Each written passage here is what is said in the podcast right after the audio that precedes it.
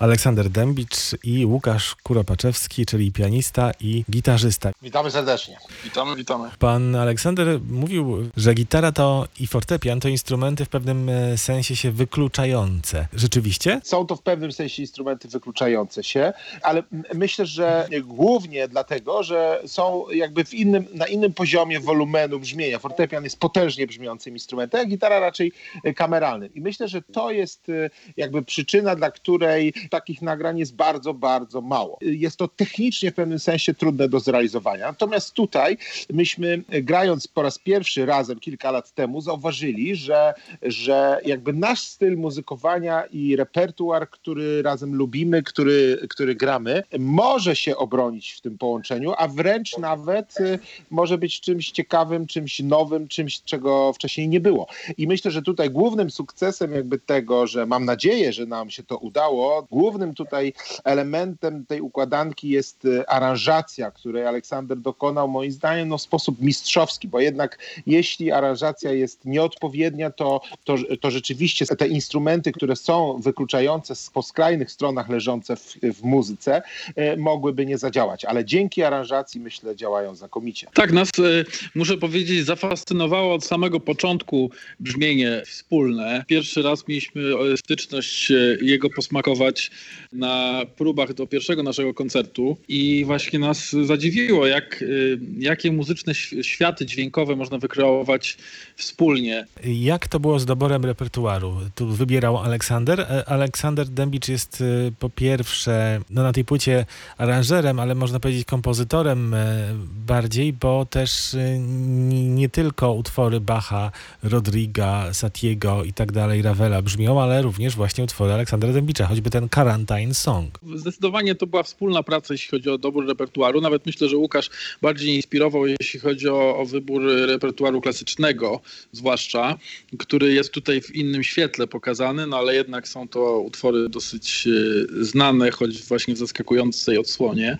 No i w ogóle sam ten proces szu- szukania, już nawet, nawet nie mówię o, o powstawaniu tych utworów, ale samego szukania odpowiedniego repertuaru, który będzie niosło konkretne przesłanie, było dla nas bardzo, y, bardzo ciekawe. My się za chwilę posłuchamy, przysłuchamy Adeli, czyli singla z tego e, albumu, ale ja chciałbym jeszcze porozmawiać o jednym utworze, w którym e, słynny koncert Rodriga, Concerto de Aranjuez, jest, brzydko mówiąc, zmiksowany z koncertem fortepianowym Jana Sebastiana Bacha. I to w dodatku takim oryginalnym miksem to jest, ponieważ zamieniliście się rolami. No tak, dla mnie to muszę powiedzieć, że to niezwykłe przeżycie, bo ja w, zawsze jako dziecko w sumie marzyłem o tym, żeby umieć grać też na fortepianie i zawsze pianistom zazdrościłem repertuaru.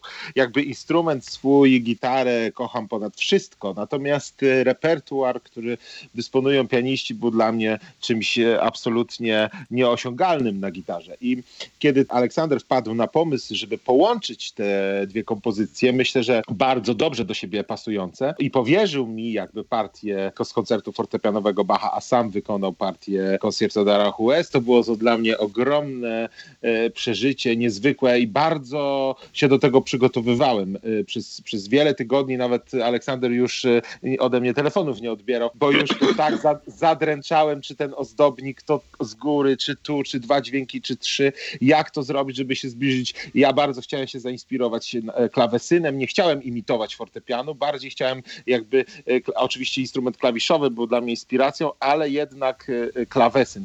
To, to było przeżycie niesamowite, także jestem e, wdzięczny, szczęśliwy, że mogłem tak wielkiej muzyki dotknąć na gitarze. No to jest rzeczywiście zaskakujące, jak te dwa utwory wydawałoby się zupełnie odległe kapitalnie się ze sobą łączą. I tutaj chciałem to połączyć na zasadzie montażu równoległego, filmowego, który polega na tym, że obserwujemy, tak jak w filmie, dwa niezależne wątki, które są zmontowane tak, że raz widzimy jedną część akcji, raz drugą, innych bohaterów, ale one się w sumie splatają w jedną całość i taki był tego zamysł. Teraz przed nami Adela z gościnnym udziałem Jakuba Józefa Orlińskiego. Od razu się zgodził? Tak, właściwie trzeba powiedzieć, że mieliśmy to szczęście, że od razu się zgodził, ale pewnie nie byłoby to takie proste, gdyby nie pandemia.